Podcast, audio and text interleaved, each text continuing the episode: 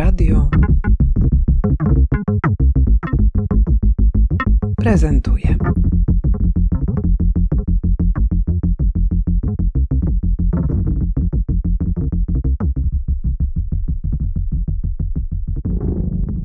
Dzień dobry, Zosia Jaworowska. Y, Ja robię różne rzeczy, a teraz otworzyłam e, swoją fundację e, i wystartowaliśmy z projektem Okno w ramach tej fundacji. E, Jestem Petro Władimirow, e, jestem architektem z Ukrainy i pomagam Zosi robić projekt o oknach. Co to jest projekt Okna? To jest wynik myślenia o tym, jakie mogą być potrzeby związane z mieszkalnictwem osób w Ukrainie. Wcześniej y, w ramach grupy zasoby zajmowałam się tematem mieszkalnictwa w Polsce y, i tu mam wrażenie, że jakoś udało nam się zagospodarować jakąś potrzebę, a mm, potem mm, już z Petrem właśnie zaczęłam myśleć o tym, jakie mogą być te potrzeby osób w Ukrainie i poczuliśmy oboje, że ta odbudowa, o której tak się dużo teraz mówi, może się rozpocząć w takiej skali mikro trochę wcześniej. Więc postanowiliśmy, że będziemy wysyłać materiały budowlane do Ukrainy i że zaczniemy od okien, jako że to jest taka najbardziej y, paląca pierwsza potrzeba. Sprawa wygląda tak, że jak stoi jakiś budynek, który jest e, zniszczony przez wybuch, to, to nie jest tak, że tylko ten budynek jest zniszczony i pierwsze, co wylatuje w, nie wiem, w, w odległości budynków, nie wiem, 50 metrów, to są okna. To jest tak, że jak rzeczywiście to jest rzucone na, na miasta, gdzie, gdzie się mieszka i gdzie w ogóle jest taka multifunkcjonalna tkanka, to jest bardzo dużo mieszkań, co jakby są w porządku, tylko, nie, tylko jest brak okien, bo rzeczywiście to wszystko wy, wyleciało. W ogóle była taka sytuacja w związku z tym wybuchem w Bejrucie, że wy- wywaliło okna, jakby siła uderzeniowa tego wybuchu była tak wielka, że wywaliło okna w promilu 100 kilometrów. I tam dwie dziewczyny otworzyły fundację, która się nazywała Okna i Drzwi. I zbierały okna i drzwi, bo zapotrzebowanie na te materiały było tak gigantyczne, że y, takie podstawowe zasoby w najbliższym otoczeniu wyczerpały się w ciągu dwóch tygodni, no bo wszyscy się rzucili na te okna, żeby zapewnić sobie jakieś takie podstawowe poczucie y, bezpieczeństwa i izolować swoje mieszkanie od deszczu i ciepła albo zimna. E, więc trochę mm, nasze myślenie było tu pokrewne. Wasza inicjatywa oczywiście jest reakcją na to, co się w tej chwili dzieje w Ukrainie, na ten konflikt zbrojny, na potrzeby, które wynikają ze zniszczeń wojennych, ale tak naprawdę jego szerszą bazą jest zwrot w myśleniu o ponownym użytkowaniu tych elementów budowlanych, które nadają się do użycia, mądry recycling, zainteresowanie architektów i tych, którzy zajmują się budowaniem, tym, żeby nadmiernie nie eskalować produkcji tych materiałów, które służą do budowy. Powiedzcie proszę, jak to, jak ta wiedza o tych wszystkich trendach, które były budowane ze względu na odpowiedzialność klimatyczną, na odpowiedzialność środowiskową, jak to się w tej chwili przekłada na takie projekty jak wasze, czy też y, po prostu działania ludzi, którzy chcą wykorzystać jednak ten moment y, kryzysu do tego, żeby przyspieszyć wejście w życie postulatów, które wychodząc właśnie z tych y, ruchów y, związanych z odpowiedzialnością, na przykład klimatyczną czy środowiskową, postulują inne zupełnie zachowania budowlane. Jeżeli chodzi o, powiedzmy, e, przestrzeń architektoniczną, to rzeczywiście jakby sprawa wygląda tak, że zawsze się mówi o czymś tam sustainable i teraz tak naprawdę nie można coś wybudować, jeżeli tam nie jest jakaś komponenta tak, taka powiedzmy tego zrównoważonego rozwoju, ale to się kończy rzeczywiście jakimiś zielonymi fasadami, co jest takim, takim trochę greenwashing. No i chodzi o to, że architektura w tym wszystkim procesie jest jakby punkt końcowy tak naprawdę, bo rzeczywiście jest cała ten cała dziedzina jakby budownictwa i produkcji, co się odpowiada za prawdopodobnie 40 coś tam procent tych CO2 do, do powietrza. To jest pierwsza rzecz i rzeczywiście jakby f- fajnie, fajne jakby jest to, że to jest takie odczuwalne, nie? że nie, nie, nie będziemy teraz produkować czegoś więcej, tylko bierzemy to, co, to, co jest. To jest pierwsza rzecz. I druga, e, jakby nie wiem, czy to dobrze brzmi, ale ta wojna jest trochę takim potencjałem, żeby przyspieszyć jakieś procesy i poza tym jest wewnątrz państwa też popyt na to, żeby coś się zmieniało. No i rzeczywiście jak coś jest tak naprawdę zniszczone, bo na dzień dzisiejszy e, chyba z czterech takich e, producentów, takich fabryk produkujących okna tylko jedna została jeszcze nie zniszczona przez e, wojska rosyjskie, to wygląda tak, że możemy to budować jakby od, od nowa, na, na innych zasadach. No i to rzeczywiście brzmi optymistycznie ten nasz pomysł na działania, żeby wykorzystywać okna z odzysku, czyli okna, które już ktoś wymienił podczas remontu, ale też okna, które leżą w magazynach, bo pochodzą ze zwrotów, pomyłek, źle ktoś pomierzył i zwrócił do firmy i tak jest trochę podyktowane właśnie koniecznością, to znaczy ceny materiałów budowlanych teraz strasznie poszybowały w górę, a wszyscy nasi partnerzy w Ukrainie mówią zgodnie, że większość okien w Ukrainie pochodziła z e, importu z Rosji i z Białorusi, w związku z tym teraz są one kompletnie nieosiągalne.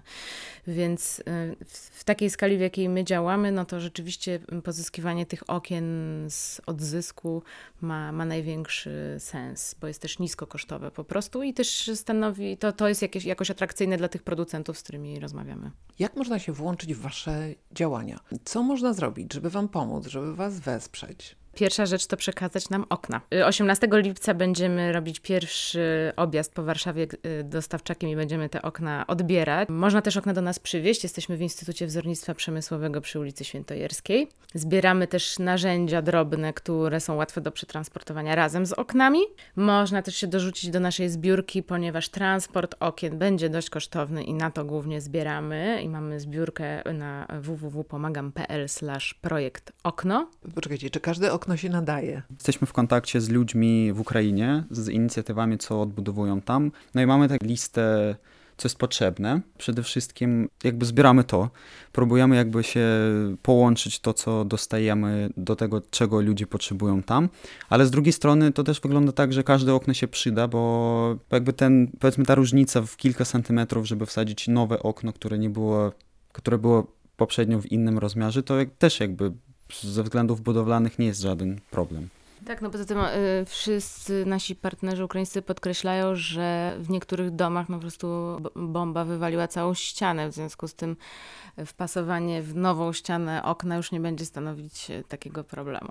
Z kim pracujecie? Kto jest po drugiej stronie? Są inicjatywy takie powiedzmy NGOs, ale też są osoby prywatne, które działają jakby jak NGO, tylko nie są zarejestrowani, bo są jakby takie grupa wolontariuszy. No przede wszystkim to są ludzie, moim zdaniem, z jakimś doświadczeniem albo z backgroundem takim bardziej aktywistycznym, miejskim, e, to e, przede wszystkim to jest inicjatywa, która się nazywa District One. Wcześniej oni zajmowali organizowaniem takich miejskich wydarzeń, ale teraz jakby przekształcili w, w taką inicjatywę, co odbudowuje budynki prywatne, ale głównie szkoły i szpitale, takie, taką infrastrukturę socjalną. Jest inicjatywa, która się nazywa Restore Ukraine i oni też właśnie jakby ta pierwsza działa w obwodzie kijowskim, ta druga w obwodzie czernichowskim, ale też mamy na przykład takie inicjatywy, co, się, co bazują w Iwano-Frankiwsku. Mamy do działania z, z takim świetnym projektem, który się nazywa Kochaty, który właśnie polega na tym, że nie, nie chcą jakby budować jakieś budynki dla ludzi przejeżdżających z, ze wschodu do Iwano-Frankiwska od nowa, tylko chcą wykorzystać to, co jest już w, w tkance miejskiej, czyli to, co jest jakby na bilansie miasta i oni to po prostu przekształcają w coś nowego. Fajnie, że powiedziałeś o tym bilansie i o tym przywracaniu substancji architektonicznej do życia, bo to też jest bardzo ciekawy efekt uboczny skutków wojny ale faktycznie wszystkie te najciekawsze, najradykalniejsze nawet postulaty związane z odpowiedzialnością architektury w tej chwili mają szansę bycia wdrażanymi. Czy jeszcze jakieś przychodzą Wam do głowy takie inicjatywy, które obserwujecie, czy uważacie, że są interesujące, czy warto je teraz przywołać? W kuluarach jest bardzo dużo, w kuluarach NGO-sowych yy, uchodźczych jest bardzo dużo rozmów na temat tego właśnie, gdzie który pustostan można przekształcić na tanie mieszkania. Więc to jest trochę też moje takie drugie marzenie, żeby w drugiej kolejności za to się wziąć i za te sznurki mm, spróbować pociągnąć, no ale to jest rzeczywiście temat no, trudny i długofalowy. Miałam szalony pomysł, żeby budynek Europlexu, który należy do PKO BP, przekształcić w części przynajmniej na mieszkania, bo PKO się stamtąd wynosi, a w ogóle to część tego budynku stoi kompletnie pusta od lat.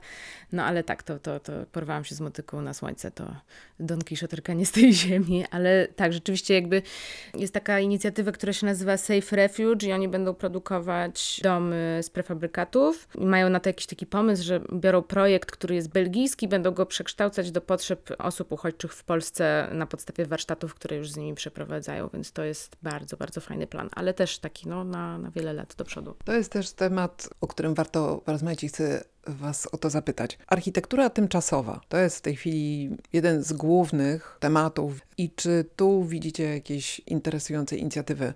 Czy też ta Wasza akcja, czy ona też się w to wpisuje? Czy są na przykład takie pomysły, żeby tymczasowe budownictwo korzystało z odzyskiwanych materiałów? No, jeżeli chodzi o inicjatywę, to no moim zdaniem najbardziej ciekawe to, co jakby jest to przekształcenia, bo w Ukrainie akurat, nie wiem jak w Polsce, ale w Ukrainie jest bardzo dużo takich pustostanów w każdym mieście, stojących w centrum i to nie jest tak, że potrzebujemy e, budować jakąś tam infrastrukturę do tego, tylko po prostu to już jest wszystko włączone i to jest jakby powiedzmy ten kierunek, ale żeby to zrobić, to jest tak naprawdę na poziomie może nie państwowym, tylko jakimś gminnym trzeba zrobić, po prostu policzyć to, co jest. Jakby zobaczyć, co w ogóle jest, e, z czego możemy korzystać i tak dalej. Ale też jestem takiego zdania, że, bo dużo się mówi o takich budynkach, co przyjeżdżałem z Polski do, do obwodu lwowskiego, no ale jakby, no i rzeczywiście w, w środku tej dyskusji ukraińskiej to, to nie jest jakieś, ludzie mówią, że to nie jest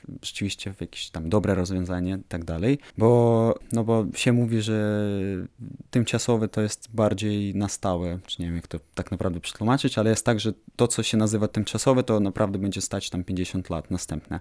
Ale mówisz o osiedlach kontenerowych, Tak. które wiemy o tym, że one są obciążone dużymi wadami. Te kontenerowe osiedla, one funkcjonowały dla tych, którzy uciekali z terenów wcześniej zaatakowanych przez, e, przez Rosję po 2014 roku. No i już chyba Ukraina ma przećwiczone wszystkie wady tych em, miasteczek kontenerowych. No tak jest, ale rzeczywiście wcześniej to było jakby mała ilość tych, e, tych takich miasteczek. No i ja myślę, że jakby w tym razem to ćwiczenie będzie wyglądało powiedzmy w inny sposób, ale chciałem powiedzieć tylko, że jakby w, moim zdaniem w taki moment kryzysowy to wszystko gra.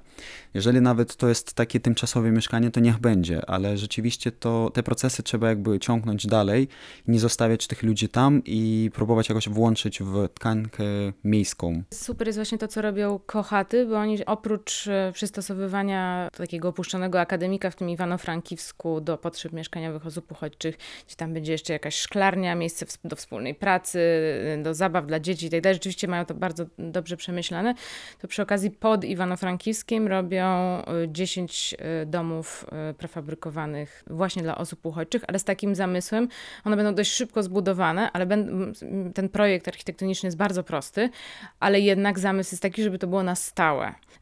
I rzeczywiście oni obierają taką strategię, żeby działać w skali mikro, zobaczyć jak to funkcjonuje, zobaczyć czy da się to skalować i czy to, jest, czy to ma potencjał na to, żeby iść z tym szerzej, ale jednak właśnie skłaniają się w stronę takiego budownictwa no, nietymczasowego. To jest super ciekawy moment dla tych wszystkich adeptów, adeptek architektury, którzy wchodzą teraz w życie zawodowe, bo te wyzwania i możliwość obserwacji tego, jak te pomysły czy idee, które się rodzą w teorii, można przekładać na praktykę. To się może dziać bardzo, bardzo szybko. Czy wy widzicie za, jakby demografię zaangażowania w te rzeczy związane z e, pomocą Ukrainie przez, no właśnie w tym środowisku architektonicznym? A to jest dobre pytanie, no bo środowisko architektoniczne w Ukrainie jest mega podzielone, bo są starsi, co, co są starsi, starsi, co jeszcze projektowali coś w Związku Radzieckim.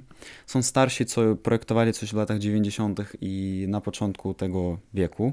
No i są tak, tacy już bardziej jakby mojego pokolenia i jakby oni są mega tak rozłą- znaczy przed wojną to wszystko było jakby mega rozłączone. Wygląda to teraz tak, że, że ci architekci jakby starsi, bo oni rzeczywiście są połączeni z Izbą Architektów w Kijowie, albo w ogóle jakby całe, na, na całą skalę ukraińską.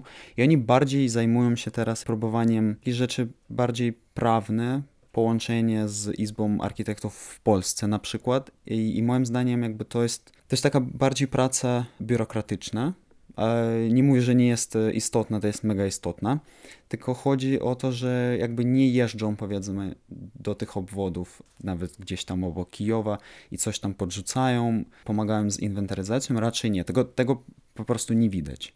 Bo to są bardziej jakby wolontariusze i ludzie taki bardziej młodzi i architekci jakby mojego pokolenia. Na koniec przypomnijmy, jak Wam można pomóc, jak się z Wami skontaktować.